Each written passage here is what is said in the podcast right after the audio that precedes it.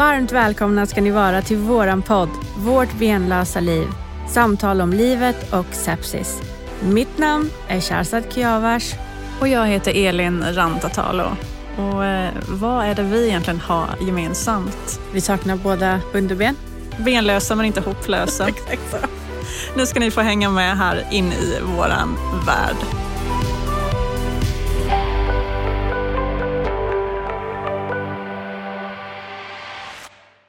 Varmt välkomna till veckans avsnitt. Idag ska vi prata ingående om anhörigperspektivet, Elin. Mm, det är ju ett ämne som jag tycker är väldigt viktigt. Man eh, är ju mitt uppe i att rädda en person men man kanske glömmer de som står bredvid handfallna och håller på att eh, kanske förlora dem den personen som de älskar. Mm. Eh, och, och hur mår egentligen de anhöriga och vad kan man göra för att göra det bättre? Lite Mm. av det ska vi prata om idag. Verkligen. Superviktigt. Jag och du har ju inte varit anhöriga för vi var ju sjuka. Ja, vi har ju sjuka, vi har ju anhöriga. Men idag har vi ju med oss en gäst i studion som är nära anhörig till en person som har drabbats av sepsis. Och det är eh, Emily Swedenbom. Välkommen! Välkommen! Tack snälla, jag är jätteglad att jag får vara med och jag har verkligen väntat på att få delge mina erfarenheter om just det här ämnet för jag tycker också det är super, super viktigt. Ja, men vi tyckte ju att du är en perfekt gäst i podden i och med att du har erfarenheter som ambulanssjuksköterska och nu även arbetar på IVA. Så att det finns ju många olika perspektiv att eh, se allting ifrån så att säga. Och framförallt så har du ju en man som har drabbats av sepsis och har varit svårt sjuk. Mm, ja, jag har ju det. Jag jobbade ju då på ambulansen så jag jobbade som allmänsköterska just då, 2018. Det var 2018 som Robin, min man, då han insjuknade i sepsis. Och från början, om jag nu berättar för er vad som egentligen hände så att alla ska hänga med, så var det så här att vår yngsta dotter, hon var två år vid detta tillfället och hon hon var sjuk. Vi var ju såklart jätteoroliga för henne. Hög feber. Robin var frisk. Han var på jobbet. Jag började bli sämre och jag kände att detta var inte som vanligt. Jag kände mig, jag, jag hade aldrig varit så sjuk, men jag kände ändå att jag var tvungen att ta hand om henne. För hon gick såklart först och sen kände jag att jag blev sämre. Robin hade ju som mest energi vid denna tiden och eh, Bianca, vår yngsta dotter, hon Ja, hon blev inte bättre och man tänkte inte på sig själv. Sen så började Robin också känna sig hängig och jag tänkte okej, okay, nu ligger vi allihopa. Vår äldsta dotter vid detta tillfället var frisk och vi hade inte orkat ta hand om henne så hon fick åka till sin farmor så hon var aldrig hemma när Robin var som sämst. Och hastigt insjuknade Robin. Från att egentligen vara frisk men han blev snabbt febrig och la på golvet, var dålig och jag kände att jag hade inte riktigt koll på situationen. Jag åkte in till akuten på kvällen och vår dotter var ju hemma och var jättedålig. Men så, de var lite så här, ska vi lägga in mig? Nej, jag kände att jag ville hem så att de skickade hem mig med kortison och det var antibiotika och jag ville bara hem. Vad var det ni hade drabbats eh, av? Halsfluss Mm. var det som gick på dagis. Och det är ju sånt som kan gå på dagis. Så man blir botad med antibiotika.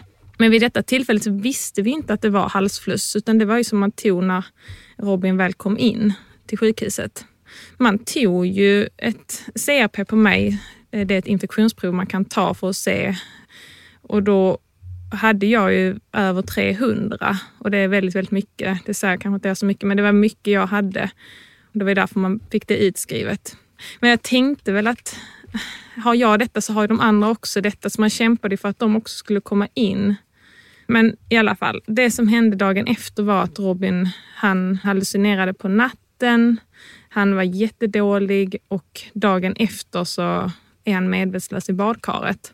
Och då ringer jag ju ambulans och de kommer och då börjar egentligen hela, hela den här karusellen rulla. Och det är som att nu ska jag utgå från anhörigsperspektivet hur jag hade det och det var ju att det var som en torktumlare, att man blir inslängd i den och man snurrar runt i denna och tiden går så otroligt fort. Det tror man inte, men för min del var det att tiden det bara gick så fort. Men det som händer alltså är att Robin är medvetslös i badkaret. Har han haft några av de här typiska sepsissymptomen? Han hade sepsisymptom och eh, under natten där så kontaktar jag ju 112 också och berättar att jag behöver få honom bedömd. Vi är jättesvårt sjuka. De menar på att man ska avvakta till morgonen efter, vilket vi gjorde. Och då gick det så långt att han blev medvetslös i badkaret. Och då när jag ringer 112 andra gången, då kommer de ju som en prio etta.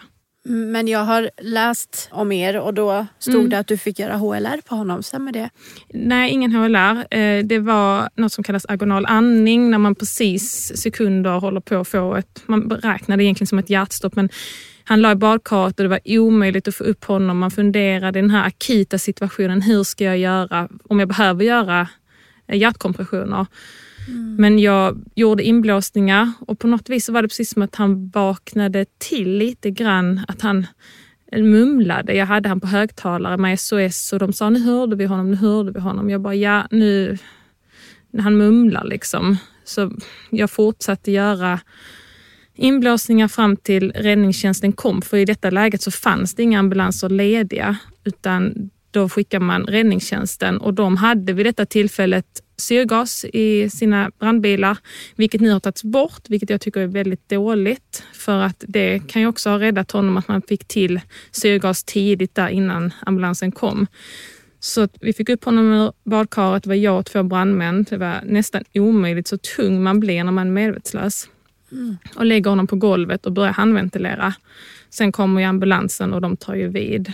Och då tar de med honom till sjukhuset? Ja, vi var vid övervåningen och vår dotter ser ju hela detta förloppet. Hon är två år, står helt paralyserad och bara tittar på hur alla jobbar, säger inte ett ljud. Och de drar ju ner honom för trappan på fyra sekunder och ut i ambulansen och kör. Min, eh, det är min kollega som kör och han berättar att han har aldrig kört en patient så snabbt en prio till Helsingborg. Han var ju helt blå om kroppen och just det är också en sån grej som man har tänkt när man har barn och en människa som är så svårt sjuk. Nu var hon så ung så kanske åldern, den här unga åldern skyddar henne från att få framtida vad ska jag säga, minnen av den här händelsen. Men hon kan än idag prata om detta här. Konstigt nog, idag är hon ju sju år. Mm. Vad, vad, gjorde du när de hade fört Robin? Lastat honom. Ah. Ja, då åkte vi med ambulans nummer två in. Du och din till, dotter tillsammans då? då åkte, ja, då åkte vi in och då satt man där och jag minns jag tänkte shit, ingen vet om var vi är på väg just nu. Mm. Jag måste nu ringa hans föräldrar. Så jag ringde hans föräldrar. Jag sa till dem att det är allvarligt, ni måste komma ni. Jag tror jag lägger på, ringer min egen pappa och säger att kom till akuten i Helsingborg nu och lägger på. Man var ju liksom i chock redan här. Var du samlad vid det här tillfället? Eh, kände, mm. ja, kände du dig som en privatperson anhörig eller kände du ja. att du gick in i en slags yrkesroll? Eller var det... När jag var själv med räddningstjänsten så kände jag shit, vi, det var så skönt när ambulansen väl kom och tog över för jag kände att nu måste jag ju så att jag satt liksom där handventilerad på toaletten. Mm. Det kändes, allt kändes så absurt på något vis att här ligger han och vi har ingen kontakt. Nej, det är väldigt svårt att beskriva den här situationen och akutrummet i Helsingborg och vi står där och jag minns en jättetydlig, man sätter, man sätter alltid en urinkateter på patienterna och jag minns att det som kommer ut är helt svart. Och jag tänkte shit, då hör jag att det är någon som säger vi åker upp till intensiven nu. Så när ni kommer till akutrummet, då har de inte listat ut att han har sepsis? Jag minns att man säger på ambulansen att eh, vi drar detta som ett sepsislarm. Bra, kommer jag ihåg jag säger. Mm. Så att jag tror tidigt att man misstänker det med tanke på det låga blodtrycket. Jag minns när jag sätter på den här blodtrycksmanschetten runt hans arm hemma på toaletten när ambulansen hade kommit och vi trycker och det kommer de första siffrorna 77 genom 50. Shit. Så att man, alla visste nog att det var den arbetshypotesen. Men det var liksom när man väl sa det, liksom, när man kom till IVA, detta är en septisk chock. Shit, okej. Okay. Jag får rysningar i hela kroppen ja, jag känner jag. Jag minns att min närmsta kompis kommer och vi sitter i ett rum och tittar så snabba de jobbar. De var så otroligt skickliga. De kopplar i dialys, de sätter infarter och det här går på under en timme. Mm. Alltså det är rekord. Alltså jag har aldrig sett så snabbt de jobbar. Jag minns att man får inte rätt på hans värden riktigt från början och de pratar om att ja, vi måste lägga i bikläge och Jaha, alltså jag hade ju aldrig jobb, jag hade ju knappt varit på intensiven så det var ju så många nya begrepp för mig också. Om en av mina närmsta vänner jobbade på IVA denna dagen, hon ser när Robin rullar in på IVA och när hon ser, kollar på båren, men herregud det är ju Robin och hon får bara ordinationer, blanda dessa antibiotika, hon springer till läkemedelsrummet. Så att det var många som fick chock för det var ju folk som visste vem han var. Mm. Visste du vad sepsis var? Jag visste vad sepsis var, men jag, jag har ju aldrig sett det gå så här långt som det gör på IVA vid det här tillfället. Det, men timmarna rullar ju på väldigt snabbt. Men det var den längsta natten i mitt liv. För det var så ovisst. Det var ingen som gav något hopp där den natten och man kände sig så frustrerad. Kan inte någon bara säga någonting bra? Bara snälla, det minsta lilla. Det spelar ingen roll vad det är, bara jag vill ha någonting positivt och det fick man inte höra.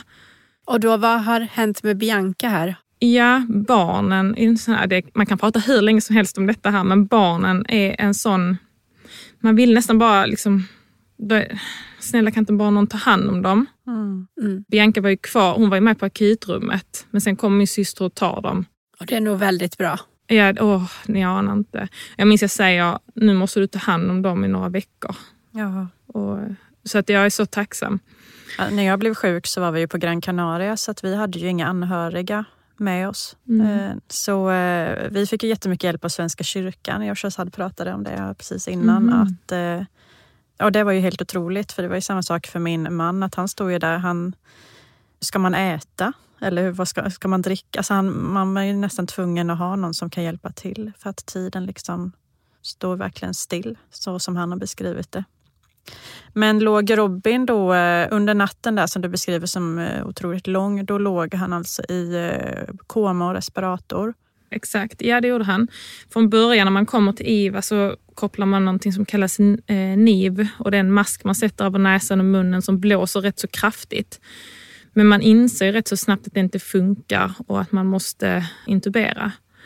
Det avskedet där man säger alltså att man förstår liksom inte, hans föräldrar fick inte komma in, och, eller de hann inte komma in liksom och prata för det är ju alltid ett jätteriskfyllt moment att intubera någon. Men jag minns att jag sa hej då och sen gick jag och sen kom jag tillbaka in i rummet när allting var över och allting såg så lugnt ut. Allting var så lugnt och alla var så lugna och proffsiga. Men den natten vi la på golvet, man bryr sig inte om någon. Vi gick barfota. Idag, alltså man, man, är inne, man behöver liksom hjälp fast man är vuxen. Som du berättade att din man, han, hur ska man, när ska jag äta? Behöver. Det är jättesvårt att förklara när man är i den, i den här torktumlaren som mm. jag förklarade innan. Man kan inte riktigt tänka ända ut som man i vanliga fall gör. Hinner du tänka här, Emily, att tänk om Robin dör? Eh, flera gånger.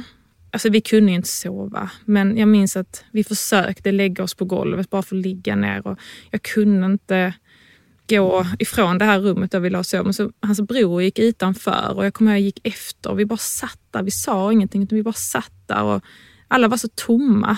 Mm. Eh, jag kan relatera mm. till det. Jag har frågat min mamma flera gånger. Mm. Som sagt, min mamma är ju IVA-sköterska och hon har ju sett svårt sjuka sepsispatienter. Och hon, jag frågade henne, har du tänkt vad skulle hända om jag dog?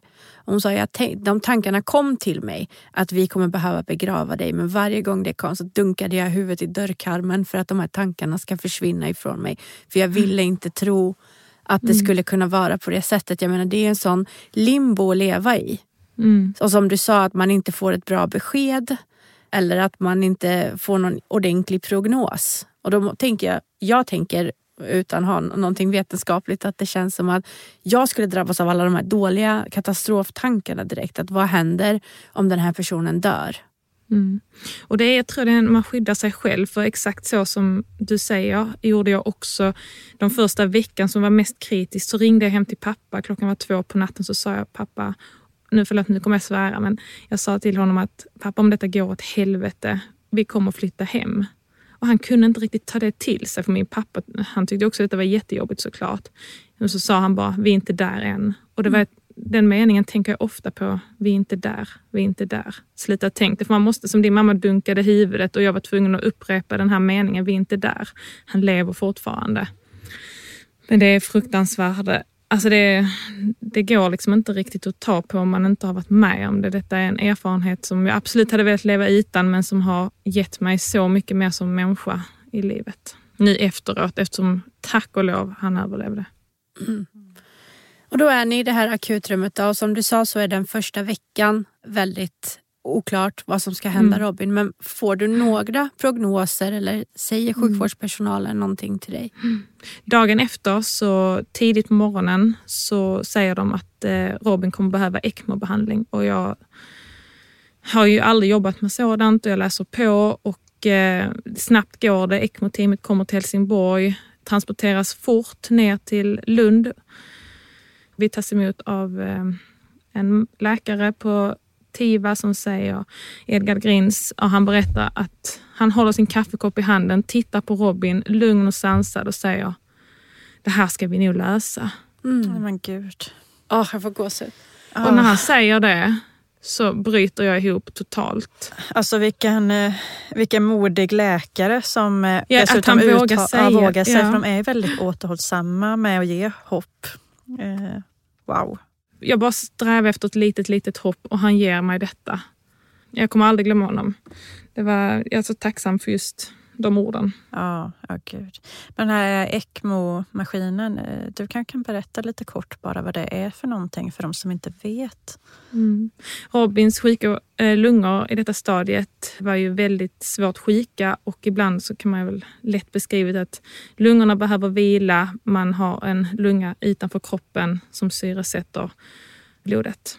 Mm. Och det är en extremt stor risk att behandlas i ECMO det visste vi, men alla prover de tog man är olika som person, men jag ville ju följa, jag ville ha information. Och när jag bara såg att det gick åt rätt håll, lite, lite, lite, men det var åt rätt håll. Det gjorde att man orkade ta dagen. Men eh, hur lång tid tog det innan Robin började bli allt mer stabil igen och, det, och ni alla verkligen kunde känna att det började gå åt rätt håll? Mm. Samtidigt som Robin hade ECMO så hade han ju dialysbehandling och han, när man drabbas av sepsis så går man upp väldigt många kilo då man tillför mycket vätska. Mm. Det gör man ju alltså i början av sjukdomsförloppet för att man ska överleva men allting går ju ut i vävnaderna och han, eh, man vill ju börja dra på vätska. Och då gjorde man då den här dialysmaskinen och eh, man drar så pass mycket vätska att man kan få olika arytmier, vilket Robin fick. Han fick ju förmaksflimmer och man fick eh, elkonvertera honom gånger flera. Och det var också en sån grej som jag kände var fruktansvärt. Jag minns att jag tittade, man är ju övervakad hela tiden och man tittar på den här övervakningen och bara tittar, snälla, snälla gå i rätt rytm, gå i rätt mm. rytm. Och då var det att man gjorde den här behandlingen, han gick tillbaka till rätt rytm och två timmar senare så var det tillbaka till ett förmaksflimmer igen och det kändes just det här med två steg fram, ett bak. Och du, var, du var på sjukhuset under hela den här tiden? Ja, jag åkte inte hem. Mina barn var hos min syster. Men du var ju svårt sjuk själv. Eller hade du blivit bättre här? Eh, jag tror att man på något vis lade åt sidan. Det var ju antibiotika man fick, kortison som jag tog. Så att jag, det var liksom, jag hade det på tid, jag ställde telefonen. Och på något vis så man glömde det. Mm. mm. Det, var det, det, var det lilla i, i det stora så att säga. Mm. Mm. Men fick, kände du att, hade du något eh, särskilt stöd eh, under tiden som du befann dig på sjukhuset? Jag tänker inte bara från dina anhöriga utan ifrån sjukvårdens sida. Eh, egentligen så, de brukar ju fråga, vill ni ha kuratorstöd, vill ni ha präst? Men jag tackade nej med tanke på att vi var ju ett rätt så stort gäng. Robins familj var ju också där hela tiden. Och vi pratade och min pappa var i ett telefonsamtal bort. Och, så att man hade ju mycket familjen i detta stadiet. Det är precis som att jag kände inte att jag orkade prata med någon annan utomstående utan vi visste var vi befann oss och vi visste vad som hade gått bra idag vi visste vad som hade gått dåligt. Och det, jag orkade inte riktigt prata med någon annan. Nej, jag förstår. Men eh, det var ju skönt att eh, det erbjöds i alla fall till ja. er, tänker jag. Men hur, hur kändes det för dig att se Robin i det här skicket? För att om jag utgår från mig själv, du vet, bara att de vätskar upp en så mycket får en ju att se helt annorlunda ut. Och sen så får man ju de här, man blir blå på kroppen och allt det där. Min bror som är den första som ser mig ringer sen mina föräldrar och talar om för dem, för de har inte hunnit komma än, att det ser ut som någon har misshandlat henne med baseballträ. Och att se någon man älskar, tänker jag, i det skicket, jag menar, hur är det? Jag tror, eftersom jag hade varit med från början och jag hade sett hur han svullnade upp timme för timme och hur, som du säger, att man blir helt blåmarmorerad. Man får sår på kroppen. Jag vet inte om ni hade det, men Robin hade väldigt mycket blåsor på sina mm. ben. Så att man följer med, men att inte varit med från början och komma in kanske dag tre, dag fyra. Jag tror det är en värre chock. Så därför brukar jag ofta säga att jag tror det är bra att man är med från början, att man inte är återhållsam där. För då får man inte den chocken som många kan få mm. om man kommer in senare. Mm. Ja, min man sa ju att jag var, uh, gick inte känna igen att ifall det inte hade varit för att jag hade min tatuering på armen så hade han knappt kunnat tro att det var jag som låg där. Mm. Tog de bilder där nere då i Spanien där ni var? Nej, de tog inga bilder. Eh, Olle tog en bild på mig första dagen jag låg i, eh, i koman respirator och då blev han strängt tillsagd att ta bort bilden för de hade liksom fotoförbud där. Så att jag har inga bilder från den tiden och det förutom den då, för han tog aldrig bort bilden och den bilden är ju så värdefull för mig. Eh, jag önskar verkligen att det hade funnits fler bilder för att eh, det är svårt att förstå vad det är man har varit med om. Att man har varit så svårt sjuk. Eh, är lite, ja, men det kan vara väldigt svårt att greppa också när andra bara pratar om det. Mm. Jag tror också det är just med dagbok, det har vi, vi tar ju bilder tidigt, ofta i förloppet på IVA.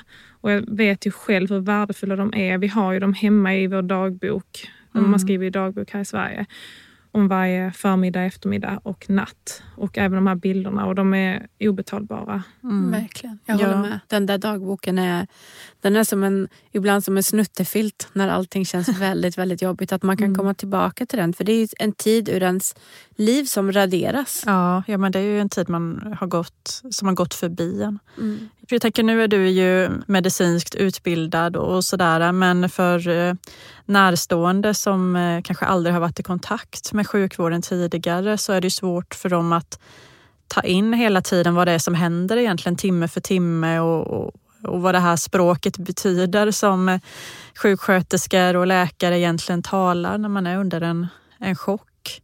Men eh, känner du att du hade, hade du bra koll och förståelse för Robins vård, hur den fortskred? Hade du så att du kände att du orkade med att lägga ett intresse i det? Eller eh, sköt du det så att enbart eh, personalen fick ta hand om det? Eller hur såg det ut? Jag hade väldigt stort behov av att veta mycket. Jag hade svårt att lämna rummet, hade svårt att lämna sjukhuset. Jag blev otroligt väl omhändertagen i Lund. Eh, de vårdar patienten men de vårdar också anhöriga. Och det har jag sagt till dem på TIVA i Lund att vilket otroligt jobb de gjorde med oss som familj. De eh, hade även ett litet schema på att nu är det lunch, nu kommer du få gå hit en timme. Vi lovar att vi ringer om det är någonting, minsta lilla. Och jag minns att jag gick ner i Lund och de ringer. Och när de ringer så... Oh, jag minns att jag tittade upp mot himlen och sen svarade jag och då berättade de att hans hjärtfrekvens hade gått upp lite grann. Oh, okej, okay. okej, okay, ja, jag kommer snart. Alltså man visste inte riktigt. Just det samtalet var fruktansvärt. Men som sagt, jag ville att de skulle ringa minsta lilla ju. Och det gjorde de. Och det gjorde så att jag fick ett jättestort förtroende.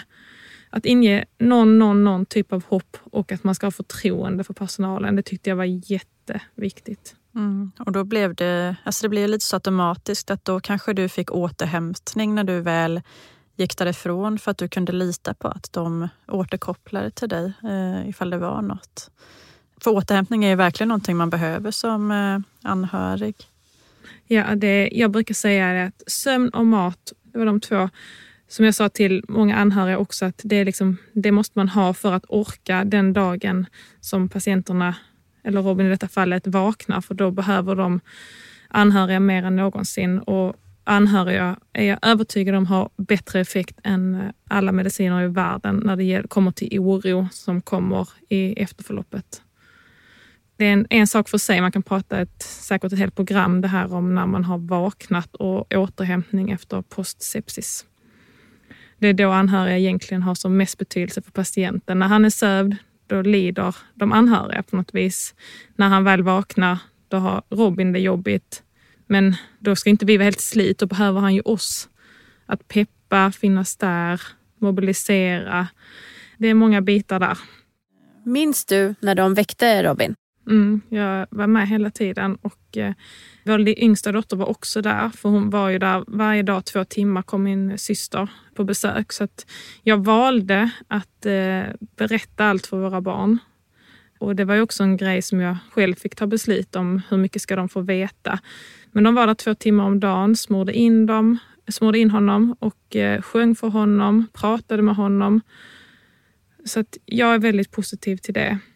Men i alla fall det när han vaknade, då var vår yngsta dotter Bianca där och eh, hon, han vinkade. Det så, du vet, han hade förändrat sitt utseende och när han vinkar så ser det väldigt intensivt ut. Hon blev väldigt rädd och började gråta och sprang därifrån.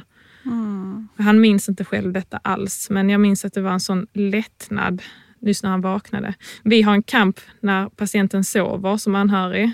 För då vet man ju inte. Sen när de vaknar, då slappnar vi av lite. Shit mm. vad långt man har kommit. Man har ju kunnat följa hela resan. Patientens, eller Robins resa började när han vaknade ju.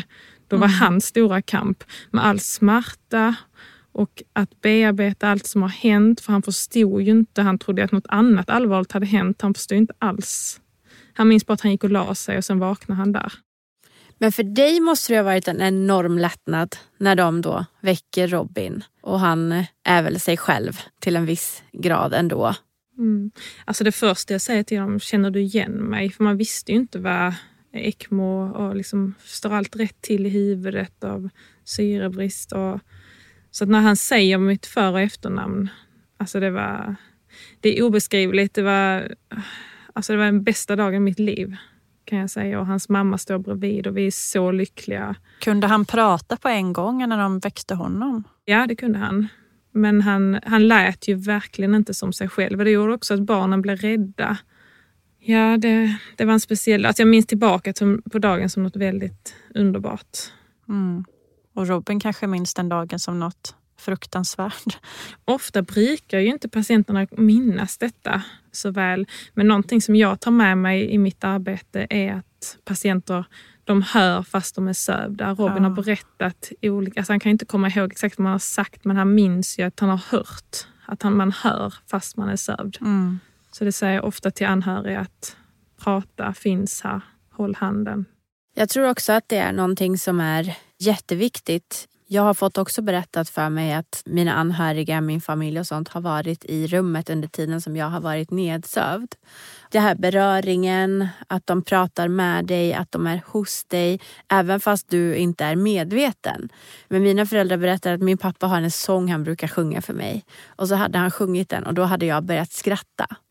Och så hade en mm. tårar runnit från mina ögon. Jag minns mm. inte det men det var så viktigt för dem för att de förstår ju att då är hon fortfarande här. Mm. Och jag tror verkligen att den beröringen och den närheten, även fast patienten är nedsövd, är så otroligt viktig. Ja, jag kan bara instämma eh, verkligen vad du säger. Och jag, just när man väl har vaknat, hur viktiga anhöriga är. Om man då som anhörig orkar. Man ska inte känna sig tvingad, men att finnas där. För att jag vet inte hur ni kände, men när kvällarna kom och natten började så var det precis som att någonting händer på rummet och oroligheterna ökar. För Robins del var det i alla fall så att det blir mörkt, det är någon obehagskänsla och då är anhöriga så viktiga istället för att behöva ta till mediciner med dess biverkningar. Och... Jag fick ju aldrig ha någon som sov hos mig. Jag fick ju vara ensam hela tiden. Och eh, vi bodde 20 mil från sjukhuset. Så att jag var ju ensam väldigt mycket. Eh, och det är fel. Ja. Jag hade alltid en extra säng i mitt rum. Aha. Så jag hade alltid någon som var hos mig i det, i det kritiska skedet. Men också efteråt. Att jag var aldrig ensam på sjukhuset. Nej, det var, ja, men jag var det till den största Men en gång så ordnade personalen så att Olle, min man, då fick sova hos mig en natt i rummet. Men det var under hela min sjukdoms inskrivningstid på sjukhuset som varade i sex månader så var det en natt som jag liksom fick ha sällskap på sjukhuset. Sen hade jag ju någon hos mig dagtid, mer eller mindre varje dag, att de turades om att åka och sådär. Men, ja, men jag kan verkligen önska att eh, han hade fått sova mer, mer där med mig. För det är som du säger att när ett sjukhus liksom tar kväll, det blir så kusligt också. Det blir, det blir så tyst på sjukhus mm. när läkarna har gått hem eller vad man ska säga. Eh, det blir ett helt annat. Mm. Tempot dras ner. Och, ja, det är svårt att förklara vad det är som händer men jag kan ju också se till de patienterna som jag vårdar idag att kvällstid är det många som blir mer oroliga. Mm. Så är det.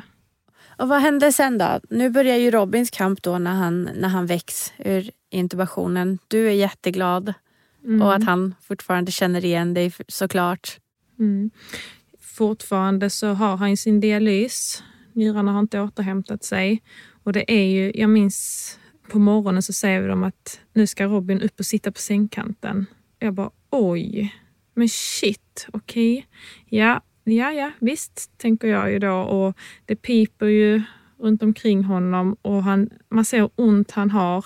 Men han, Robin har ju tränat hela livet och han var ju väldigt vältränad inför att bli sjuk. Låter jättekonstigt, men han var ju väldigt bra skick för att ligga på intensiven. För att man blir ju inte bättre skick när man ligger på intensiven än man var innan. Det är bra att ha i tanke, utan man eh, lämnar ofta intensiven i mycket dåligt skick.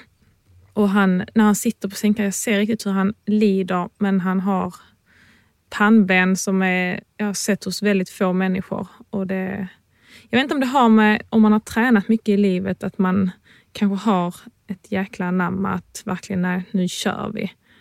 För att han visste, han lyssnade också på vad jag sa. Att det jag sa var på något vis lag. Ja, men nu ska jag göra detta. Och det känns så skönt för han var så en enkel patient. Han var liksom, mm. nej men det här ska vi göra och de framstegen vi såg, det gick så fort när han väl hade vaknat. Bara, Oj, nu kan du detta. Han, hade ju, eh, han kunde inte röra sina armar. Han kunde röra ett finger. Dag två kunde han röra två fingrar. Dag tre, ja då hade kanske lite på handen och sen Alltså att se dem, det var sån otrolig motivation för honom också att verkligen komma tillbaka. Och det här med att svälja, det är också sväljträning och svälja vatten. Och just alltså man börjar om från början.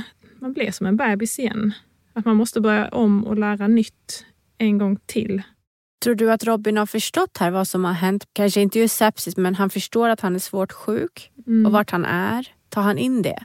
Jag tror inte det. Vi kom till infektion sedan när han var så bra.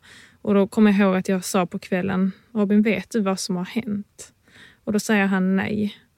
Och då börjar jag ju prata om det och vad han har varit med om. Vi, då tar jag fram den värde, värdefulla dagboken som vi har fått med oss. Vi har till och med fått bilder från Lund och vi började titta på den för jag tänkte att börja bearbeta detta tidigt.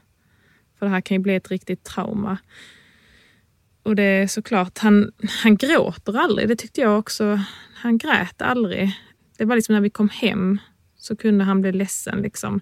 Men det var liksom, han skulle igenom detta. Mm.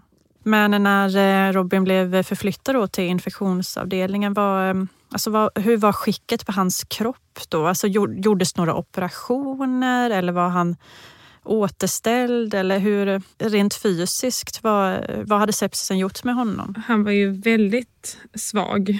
Det var ju fortfarande träning. Jag hämtade grejer från IVA för jag ville fortsätta med samma träning även där. Jag kan säga att vi fortsatte ungefär med samma rutiner som vi hade på IVA. Vi avslutade inte det. Jag fick ju också en säng på infektion så att jag sov ju där och vi höll på i rummet. Vi var väldigt noga med just den här eftermiddagsvilan. Eh, jag vet inte om ni hade det, men mellan 12 och halv två så är det verkligen ingen träning, inget som är jobbigt, försöka sova. Sen är det ju måltiderna, sen var det mycket omläggningar, man sår. Så dagarna de gick ju extremt snabbt.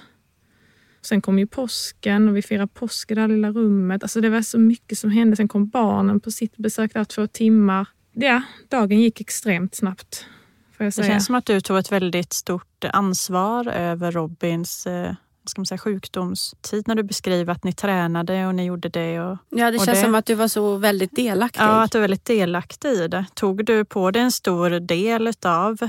Alltså jag, jag visste ju att jag, vi måste träna hårt här nu och jag, tyvärr så jag är nu som person, jag har väldigt kontrollbehov. Att jag, jag ville veta allting. Jag var tvungen att veta, okej, okay, jag hade stenkoll på när ronden var, så hade jag koll på när den antibiotikan sattes. Och, men det är nu som jag är som person. Mm. Eh, om man ja. jobbar i sjukvården själv. Inte så här, om du också, om dina föräldrar också hade sån koll. Ja, ja.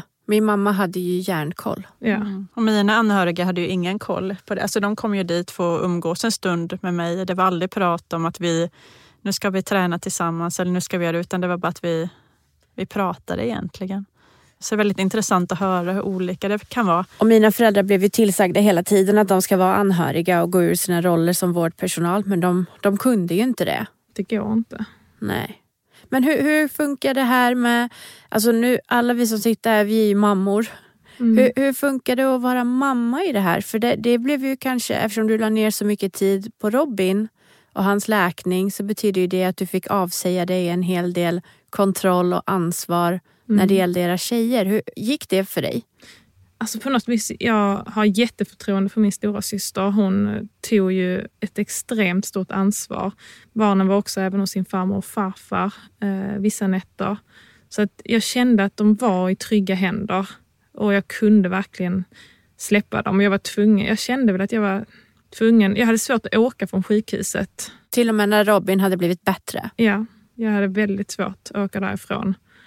Vi är i olika perspektiv. Som du hade inga sjukvårds... Eh, jobbar inte i sjukvården, dina föräldrar. Och det hade nog varit spännande med ett avsnitt bara det och hur de tänkte liksom och hur de, hur de klarar sin vardag. Ja, för de stod ju där liksom som outbildade eller vad man ska säga. Att vi, vi hade aldrig varit med om någonting i min familj innan på det viset. Så alla litade ju blint på personalen och gjorde som de sa. Och, så det är nog väldigt olika där, ja, hur man mm. har upplevt det hela med att stå mm. bredvid som anhörig. Man blir nog rätt så jobbig anhörig när man jobbar i vården. Ja, det tror jag. Ja, men det, det tror jag också. Det hade säkert jag också blivit. Så, tänk, nu efter jag varit sjuk så känner jag mig lite så delutbildad. Jag tänker ifall några av barnen har blivit sjuka, eller Olle hade jag nog också varit lite jobbig på det viset. Men måste man inte vara lite jobbig då för att få jo, saker att drivas igenom? Ibland är det bra att vara lite obekväm, absolut. Hur lång tid tog det innan Robin skrevs ut? Han var faktiskt på vår äldsta dotters skolavslutning med urinkateter. Nej, inte, nej, med ett drän hade han då. Det är så mycket som har hänt, men eh, då hade han ett drän så han gick runt med det i fickan, kommer jag ihåg. Sen skulle han in igen, så det var väldigt många turer ut och in. Men sammanlagt på sjukhus var han sju veckor. Sen ville de ju eventuellt skicka honom till ett rehabställe, men han ville ju hem. Han ville bara hem. Jag vet inte hur ni kände om att komma hem. Ja, det ville man ju. Jag hade dock ingen, inget val. Jag var tvungen att rehabas så att det fanns som inget alternativ. Men opererades Robin aldrig? Direkt när han kom in så kommer kirurgen och öppnar upp honom då man är rädd att han har mördarbakterier. Så man öppnar upp honom på ryggen och skinkan och vid axeln mm. för att utesluta detta. Och tack och lov hade han inte det.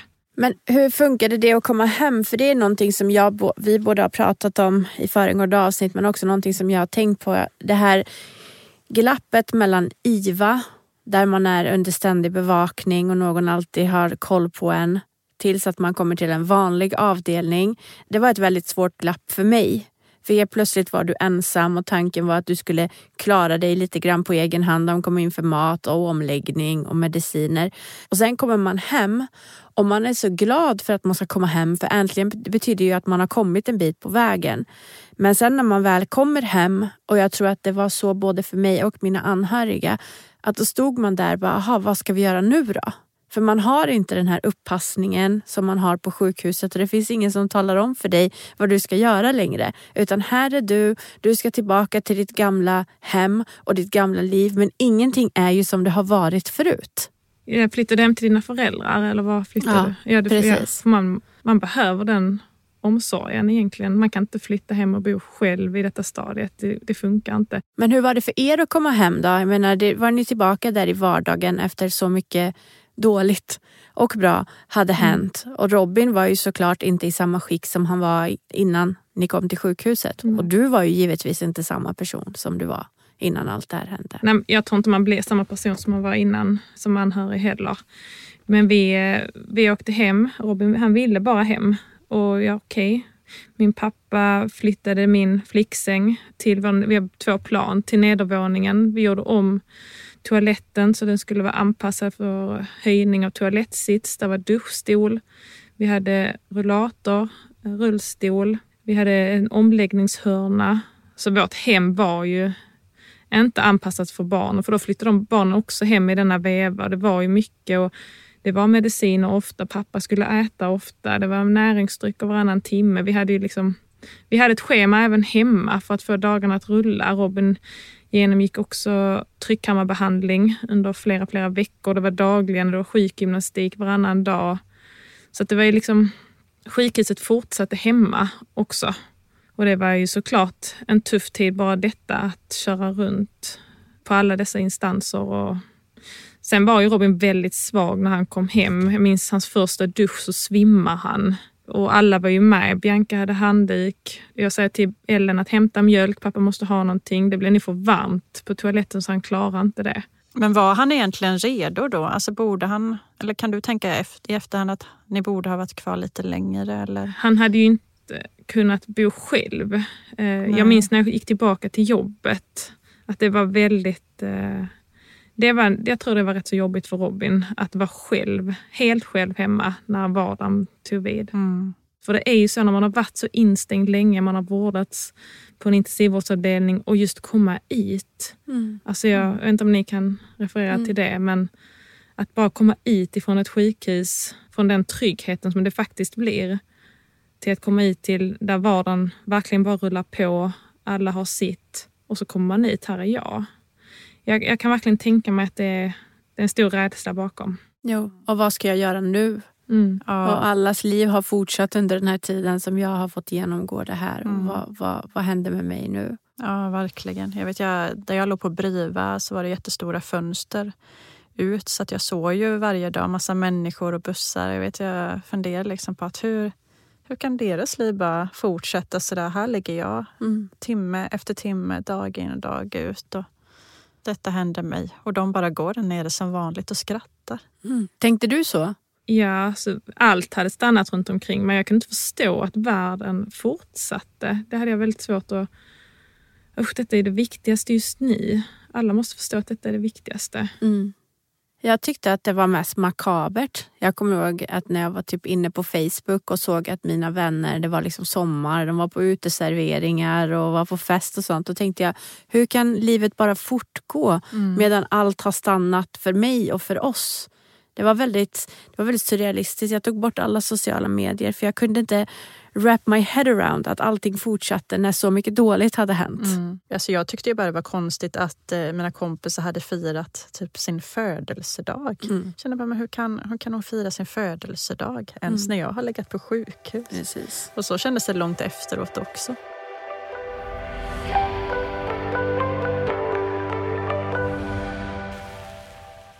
Emelie, jag tänker när man kommer hem där efter att man har eh, varit med om det här svåra och sen ska man försöka komma tillbaka till vardagen och få det att fungera. Och till, för er som också hade två mindre barn.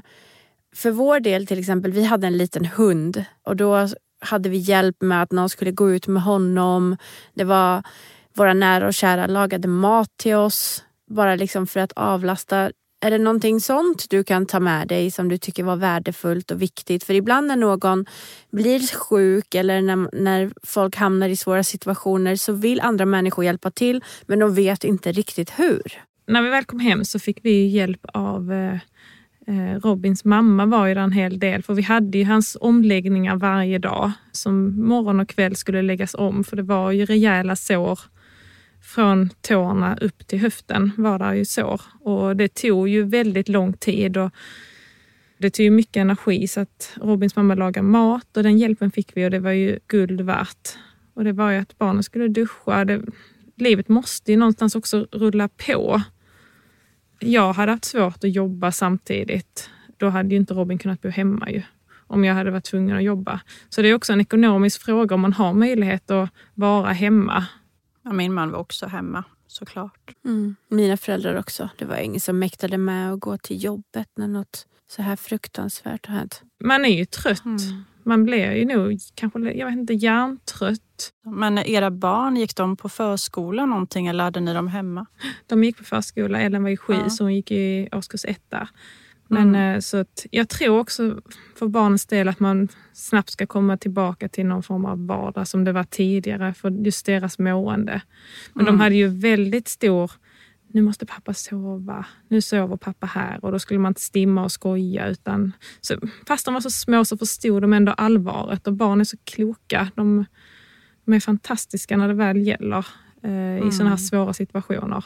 Verkligen att de kan känna in och att de kan, kan ändå rätta sig efter saker och ting, vilket verkar omöjligt i de andra fall, att lyssna på ett enda direktiv. Men när det är så här känsligt så är det som att de anpassar sig så väl. Mm. Hur ser ert liv ut idag, Emily? Vårt liv är väldigt... Jag måste säga att det är annorlunda. Vi lever...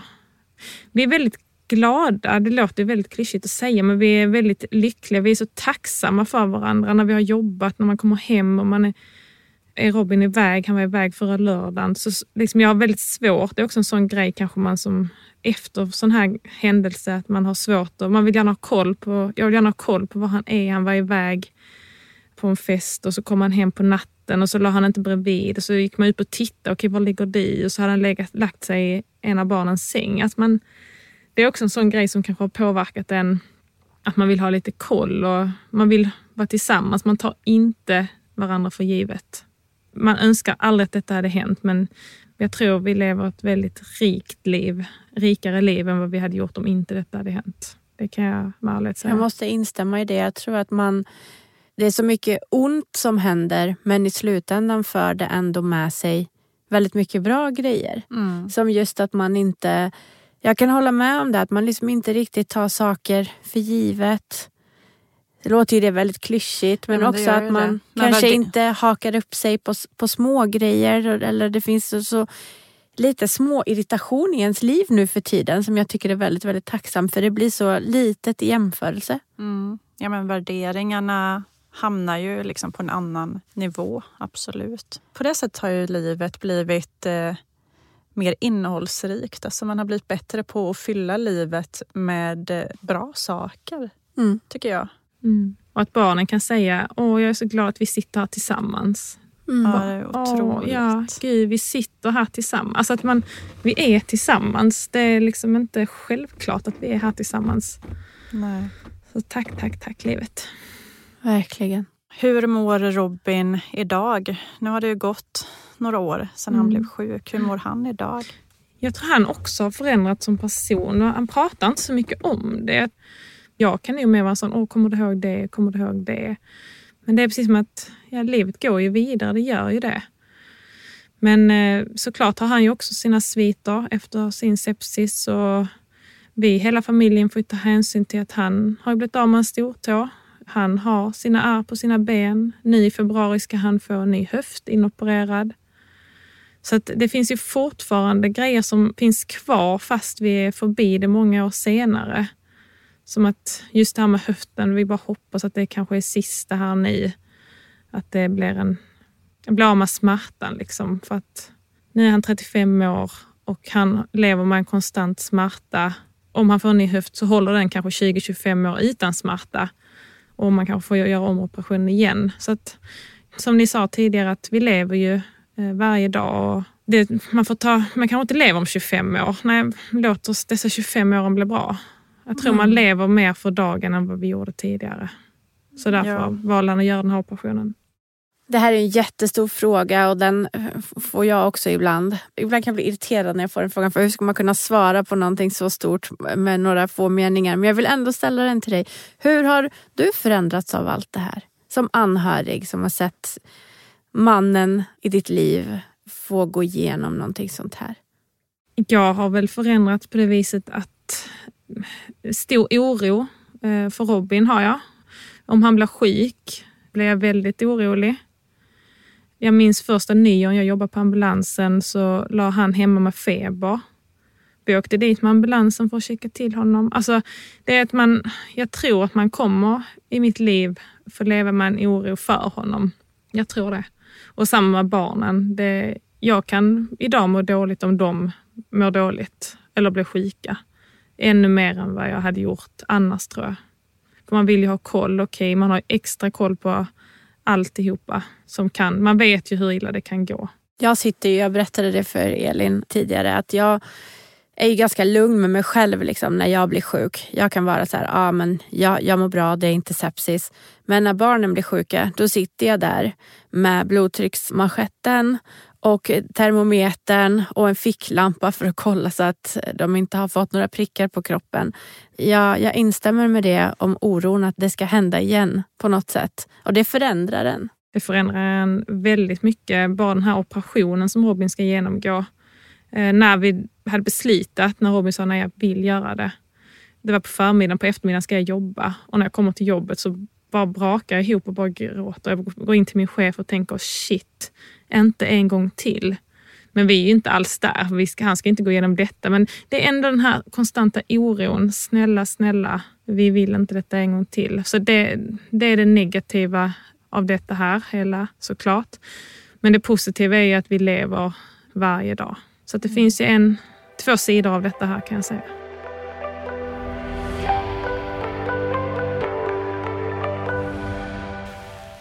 Du har ju en, en, en dubbel syn på det här, både som vårdpersonal och som anhörig. Vad, vad tycker du är det bästa som vårdpersonalen gjorde för dig som anhörig som var så värdefullt och så rätt? Jag tror att eh, det var i Lund hur de verkligen tog hand om mig och min familj. När Robin var som sjukast? Ja. Utan det så vet jag inte om jag hade stått på mina ben men det var jag är så evigt tacksam och jag hoppas verkligen de förstår hur, vilket jobb de gjorde med mig. Att de också, just det här med att informera och liksom nu är det dags att gå ut, nu är det dags att ta en frukt, nu är det dags att göra så. För att när, man är, när jorden är så ostabil under en att någon faktiskt måste säga till mig att jag måste gå ut och äta. Alltså jag är vuxen och jag vet vad jag behöver men i en sån situation, det är ett trauma. Det är ett riktigt trauma man är med om som anhörig och jag tror att man som personal måste möta detta här på det sättet som de gjorde för mig. De gjorde helt rätt.